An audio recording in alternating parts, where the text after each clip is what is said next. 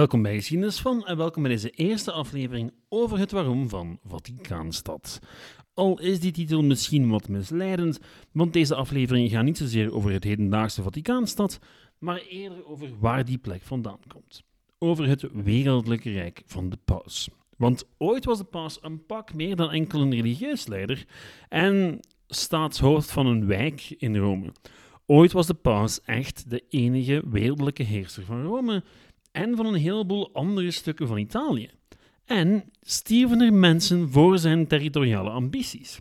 Dat verhaal krijgt u in deze aflevering van Geschiedenis van.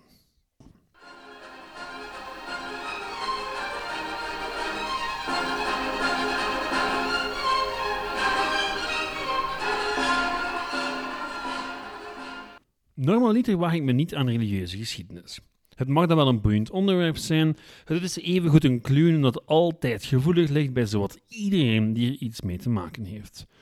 Desalniettemin heeft religie vaak een impact op mens en maatschappij, en dus kan ik niet anders dan om de zoveel tijd wat tijd besteden aan religieuze ontwikkeling. En nu zou u kunnen denken dat een aflevering over Vaticaanstad vooral dat zou zijn: religieuze geschiedenis, maar niks is minder waar. Het verhaal van Vaticaanstad is in de eerste plaats een politiek verhaal met een religieuze context, maar toch. Politiek en militair, want tot in de 19e eeuw had de paus zijn eigen grondgebied en, jawel, zijn eigen leger. Wat volgt is een geschiedenis van de paus als wereldlijk heerser, als staatshoofd dus. Al houden we de focus vooral op Italië en Rome. Avignon is een uiterst boeiend gegeven en net daarom een eigen aflevering waard. En de hele filosofisch-religieuze discussie, wel, daar ga ik hier ook relatief snel over gaan, want het is ingewikkeld en je moet niet altijd alles tegelijkertijd doen. Laten we beginnen met het Vaticaan zelf. De term Vaticaan komt van de zogenaamde Ager Vaticanus in Rome, een moeras van tijdens de Romeinse Republiek op de westelijke bank van de Tiber. Voor de Romeinen was het lange tijd een nogal onpopulair stuk van de stad. Zelfs toen het moeras werd drooggelegd, en er tijdens het keizerrijk het een plek werd voor villa's en Caligula er zelfs een obelisk neerplanten. En die obelisk die staat er trouwens nog altijd, in het midden van het Sint-Pietersplein. Ook al stond die daar oorspronkelijk als onderdeel van een circus. Naast dat circus kon je op de Ager Vaticanus ook nog een begraafplaats vinden en allerlei tempels. Al die resten van het heidense verleden van Rome zouden moeten wijken eens de kerk het gebied opeiste voor eigen gebruik. En dat gebeurde relatief snel. Al in de eerste helft van de vierde eeuw werd er de eerste Sint-Pietersbasiliek neergeplant. Niet toevallig tijdens de regeerperiode van Constantijn, die een einde maakte aan de vervolging van christenen in het Romeinse Rijk. Dus vanaf het moment dat het christendom legaal werd, stond er een kerk op de plek waar vandaag de dag de Sint-Pietersbasiliek staat. En zullen er waarschijnlijk ook officiële pauzen geweest zijn. Nu, officieel volgen alle pauzen in de voetsporen van de heilige Petrus en is er een soort van rechte lijn vanaf hem tot de dag van vandaag. Historisch weten we niet of dat altijd wel klopt, maar zwart. Nu, die Petrus die zou geëxecuteerd zijn in datzelfde circus waar nu het Sint-Pietersplein ligt en nog altijd die obelisk staat. Tijdens het keizerrijk waren de pausen van belang, maar de echte religieuze touwtjes, dus de echte macht, die waren in handen van de keizer. De paus was eerder een soort van ja, religieuze zakenwaarnemer, maar als het erop aankwam, dan was het de keizer die de grote beslissingen nam. Maar natuurlijk bleven de keizers niet aan de macht. De pauselijke macht zag het al bij al een pak langer volhouden dan de keizerlijke. Vanaf de vijfde eeuw stond er naast de basiliek een pauselijk paleis, maar die paus was nog steeds niet de heerser van een eigen staat. Tegen dan was het West-Romeinse Rijk wel gesneuveld, maar er was nog een tijdje een centrale overheid, oftewel het Ostrogotische Koninkrijk van Italië. En die koningen die namen gewoon de rol van de keizer over. En niet veel later kwam Rome onder invloed van de Byzantijnse keizer en werd de paus gewoon door hem aangesteld. De heerser van Rome was de zogenaamde hertog van Rome, een soortement van keizerlijk ambtenaar. En die situatie duurde tot 751 met de komst van de Lombarden in het noorden van Italië.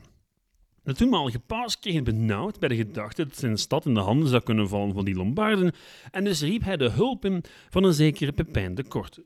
de Frankische koning. De Korte maakte al snel een einde aan die Lombardische dreiging en in ruil werd hij tot koning gekroond door de paus. Nu, die Pepijn zou u eigenlijk moeten kennen, want hij was niemand anders dan de vader van Karel de Grote. In ons verhaal is hij echter van belang omdat hij de paus nog een cadeautje doet na zijn kroning. Land. En hier, hier begint ons verhaal pas echt. Het verhaal van de pauselijke staten. Elf eeuwen lang zou de paus heersen over zijn eigen rijkje als een soortement van religieuze koning. En dat begint hier.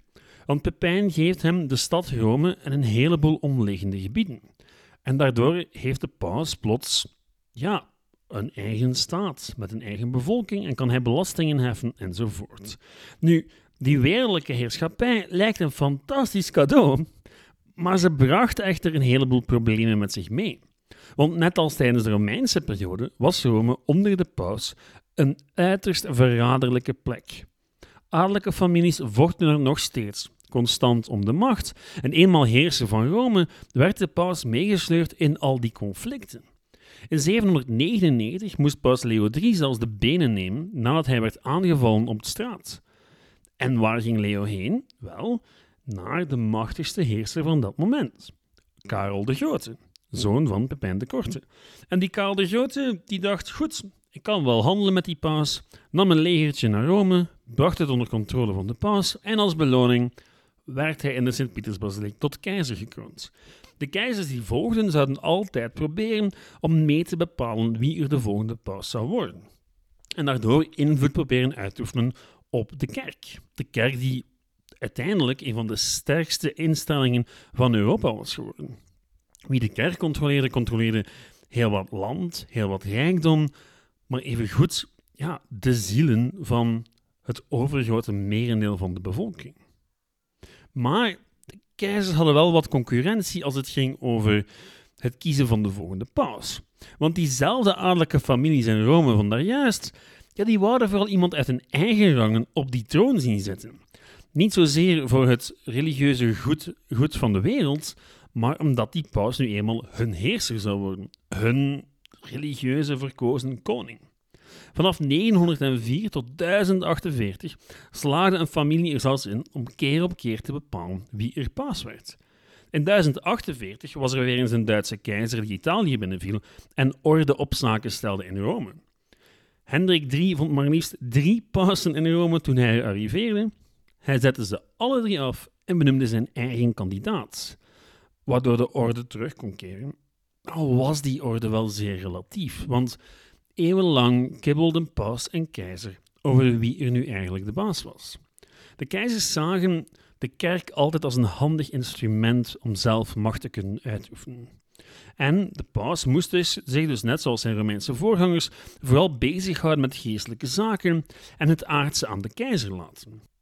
Niet onlogisch voor de moderne toeschouwer, want ja, tenslotte vinden we het vandaag de dag toch ook maar zeer normaal dat de kerk weinig te zeggen heeft over het politieke rijden en zeilen van een land.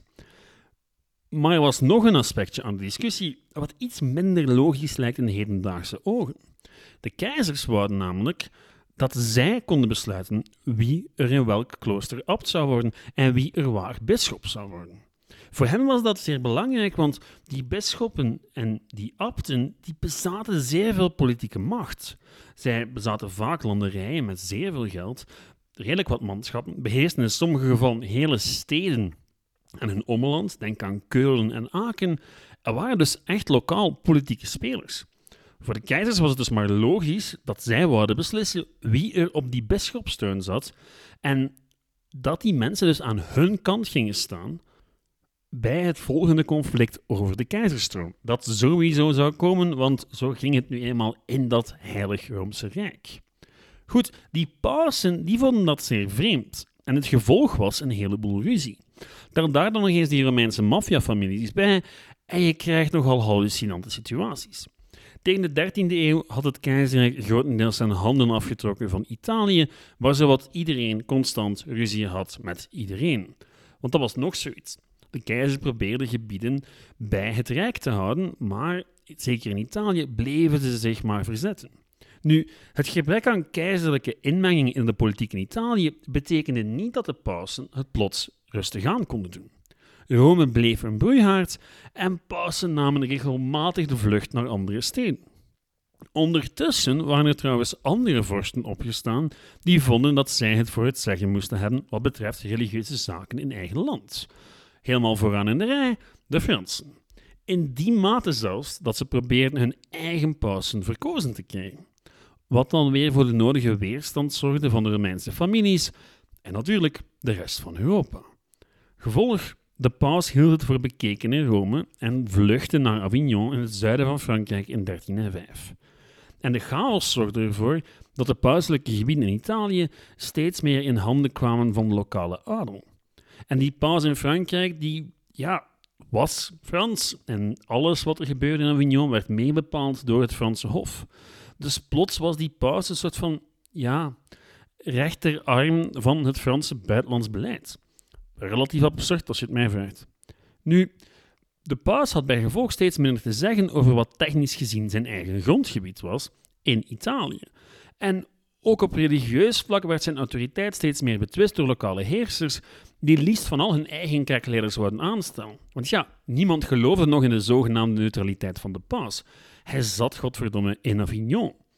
In Rome zelf brak er een burgeroorlog uit tussen twee adellijke families, enkel onderbroken door een populistische volksopstand die de Romeinse Republiek wou herstellen. Pure chaos dus. In 1367 probeerde Urbanus V terug te keren naar Rome na twaalf jaar pauselijke ballingschap, maar drie jaar later moest hij zich al terugtrekken in Avignon. Gregorius XI keerde terug naar Rome in 1378, maar stierf zowat onmiddellijk na aankomst. Zeer toevallig allemaal. Normaliter krijg je dan een conclaaf waar de kardinalen een opvolger verkiezen, met witte rook en zo, u weet wel. In 1378 vonden er twee conclaven plaats. Eentje in Rome en eentje in Avignon. Want die Franse kardinalen die daar achtergebleven waren, besloten om hun eigen paus te verkiezen. En dit was het begin van het Westerse schisma. Op hetzelfde concilie, waarin zekere Jan Hus tot de brandstapel werd veroordeeld in 1417, werd het euvel uiteindelijk opgelost, maar die hele periode van twee pausen deed zeer veel schade aan de katholieke kerk. Nu, op dat concilie werden alle pausen die er waren afgezet en er werd een nieuwe verkozen. Die keerde terug naar Rome en daarmee was alle ellende eigenlijk achter de rug. En er was weer een eengemaakte kerk en een zeer, zeer, zeer ambitieuze paus. Ondertussen zat er in Italië de renaissance aan te komen en alle gebieden waar die paus, Martin V, de scepter overzwaaide, die zouden een belangrijke rol gaan spelen. Meer dan ooit waren de pausen leden van machtige families die zich met volle goesting in het politieke gewoel van de 15e en 16e eeuw mengden. En daarbij werd corruptie niet geschuwd. Dit is de periode waarin Rome, het pauselijke Rome, op zijn machtigste was, op zijn rijkst, maar tegelijkertijd ook met voorsprong op zijn corrupst. Zo kregen heel wat neefjes van pausen kardinaalstitels toegekend. Allemaal in de hoop dat ze vroeg of laat nonkel lief zouden kunnen opvolgen en de familiale macht zouden kunnen vergroten. Het is van die praktijk, van het neefje een kardinaalstitel toekennen, dat de term nepotisme komt. Echt waar. Omdat de pausen en kardinalen zich ook steeds meer spiegelden aan de grote vorsten van Europa, werden ze ook sponsors van de kunsten. Belangrijkste getuigen daarvan Rome zelf en het Vaticaan, dat echt het centrum werd van de kerkelijke macht, met alle pracht en praal die daarbij hoorde. Of waarom denk je dat Michelangelo daar het plafond is komen schilderen? Nu, al die architecturale glorie zag het levenslicht tijdens deze periode. En de pauselijke staten waren tegelijkertijd meer dan ooit een echte staat geworden, inclusief politieke en militaire ambities. Want jawel, dit is het tijdperk waarin pausen ten oorlog trokken. Het doel was simpel: het eigen territorium vergroten ten koste van de vele kleine staatjes in het centrum en noorden van Italië. Oh, en vermijden dat de een of andere vreemde mogendheid macht kon uitoefenen over de paus. Van 1500 tot 1520 waren de pauselijke staten betrokken in maar liefst drie oorlogen. En oorlog, wel, dat beseffen we nu ook alweer, oorlog kost geld. Net als dure kunstpaleizen en de gigantische nieuwe Sint-Pietersbasiliek. Waar dat geld vandaan kwam? Wel, Met de traditionele inkomsten van de kerk kwam men tegen het einde van de 15e eeuw al lang niet meer toe. En die pas veroverde territoria, die brachten eigenlijk ook niet zoveel op. Waar haalde de kerk dan wel zijn geld tegen deze tijd? Aflaten. Aflaten zijn een vergeving van de zonden en bijgevolg een rechtstreekse toegangspas tot de hemel. Te verkrijgen bij de kerk in ruil voor geld. Het is die handel en aflaten die mee zal leiden tot de reformatie. Wel, dat en het nogal onkatholieke gedrag van heel wat pausen. Niet alleen werden er heel wat neefjes tot kardinaal gemaakt, sommige pausen hielden er kinderen op na, heel wat benoemingen binnen de kerk werden simpelweg verkocht. En al die pracht en praal zorgde ervoor dat de vertegenwoordigers van Christus op aarde steeds minder weg hadden van die zoon van een timmerman uit Nazareth. Al had je natuurlijk nog een heleboel gelovigen en zeker ook priesters die, ja, zich daar niet zo comfortabel bij voelen. En zij zouden uiteindelijk zijn die mede-reformatie zouden ontketen. Tegelijkertijd hielp het ook niet dat de paus zich als de eerste, de beste graaf of hertog in lokale conflicten stortte. En die krijgslust die bracht hem ook in de problemen. Begin de 16e eeuw was er nogmaals een keizer opgestaan die zijn autoriteit wou doen herkennen in Italië, de ons welbekende Karel V. De paus vond het idee van een machtige keizer in zijn achtertuin nogal verontrustend en zocht de steun van Karels grootste vijand, François I van Frankrijk. Wat redelijk radicaal was, want die Karel had zichzelf altijd opgeworpen als de verdediger van de katholieke kerk in een tijd waar luidop aan haar autoriteit werd getwijfeld. Luther en co, weet je wel? De reformatie was in volle gang tegen dan. Maar de paus gebruikte geen religieuze logica op dat moment, enkel een wereldlijk. En de grootste bedreiging voor de verdere uitbreiding van hun wereldlijke macht was de keizer. Gevolg, oorlog. En niet veel later werd Noord-Italië dus het toneel voor een oorlog tussen Fransen, Duitsers, Spanjaarden en Italianen. De troepen van de keizer trokken aan het langste eind, maar ja, er was een probleem. Het geld om die troepen te betalen was niet voorhanden. Waarop hun generaal dan maar besloot om het geld te gaan halen waar het zat: Rome. Nu had die generaal eigenlijk weinig zin om de heiligste stad in West-Europa te gaan plunderen, maar zijn troepen hadden hem duidelijk gemaakt dat het ofwel plunderen was, ofwel zelf het loodje leggen. Gevolg de plundering van Rome op 6 mei 1527. Al ja, zeg ik met die datum weinig, want eigenlijk gaat het over een conflict en een plundering die maanden zou aanslepen. Een van de redenen daarvoor was dat de generaal sneuvelde tijdens de gevechten en bij gevolg werd de muitende massa soldaten gewoon losgelaten op de stad, zonder ook maar iemand die haar een halt kon toeroepen. De Zwitserse garde, die de paus wou verdedigen, werd afgeslacht. Paus Clement VII moest vluchten naar zijn privékasteel en het middeleeuwse Rome ging zowat in de vlammen op. Kort samengevat, een absolute ramp. De poging om Italië te bevrijden van alle buitenlandse invloeden was niet gedaan en de ramp betekende het einde van Rome als het symbool van de Italiaanse renaissance. Van de 55.000 inwoners voor de val waren er achteraf nog maar 10.000 over. En de keizer, jawel, die was openlijk beschaamd over wat zijn troepen hadden uitgespookt, maar maakte natuurlijk wel gebruik van de situatie. Clement VII was al lang blij dat hij zelf aan het geweld was ontsnapt en besloot om voorlopig maar het zekere voor het onzekere te nemen en braafjes te luisteren naar de keizer met de uitgesproken kin. Gedaan met het zomaar najagen van wereldlijke macht dus. De keizer en zijn zoon hadden veel liever dat de paus hun aandacht richten op het grootste spirituele probleem van hun tijd. Wel, in hun ogen in elk geval, het protestantisme. Vanaf het midden van de 16e eeuw begon de contra-reformatie in ernst, inclusief de inquisitie, censuur en barokke architectuur. Al is die contra-reformatie natuurlijk een eigen aflevering waard. Vanaf het einde van de 16e eeuw werd Rome nogmaals volgebouwd met kunstwerken van de hoogste orde. De nederlaag tegen de keizer was wel niet het einde van pausen als heersers van hun eigen land. Ze bleven de heersers van heel wat grondgebied in Centraal-Italië en hadden geen enkele intentie om dat af te staan. Maar de rest van de wereld zou langzaam maar zeker vragen beginnen te stellen bij de rol van de paus als wereldlijk heerser. En hoewel die pausen hun uiterste best zouden doen, werd hun greep op de macht steeds zwakker en werd het steeds moeilijker om dat territorium vast te houden. Maar dat dat is een verhaal voor volgende week. Dan zien we hoe een hele hoop pausen proberen het verlichtingsdenken, revoluties en nationale eenheidsbewegingen proberen te weerstaan, om toch maar vast te kunnen houden aan hun eigen grondgebied. En we gaan ook zien hoe dat grondgebied steeds kleiner zal worden tot we uitkomen bij het hedendaagse Vaticaanstad. Bedankt voor het luisteren. Met commentaar en verzoekjes kan u zoals altijd terecht op geschiedenisvan.outlook.be of de Facebookgroep Geschiedenis van. Oh, en de website geschiedenisvan.be natuurlijk ook. Tot volgende week. Bedankt voor het luisteren. Ciao!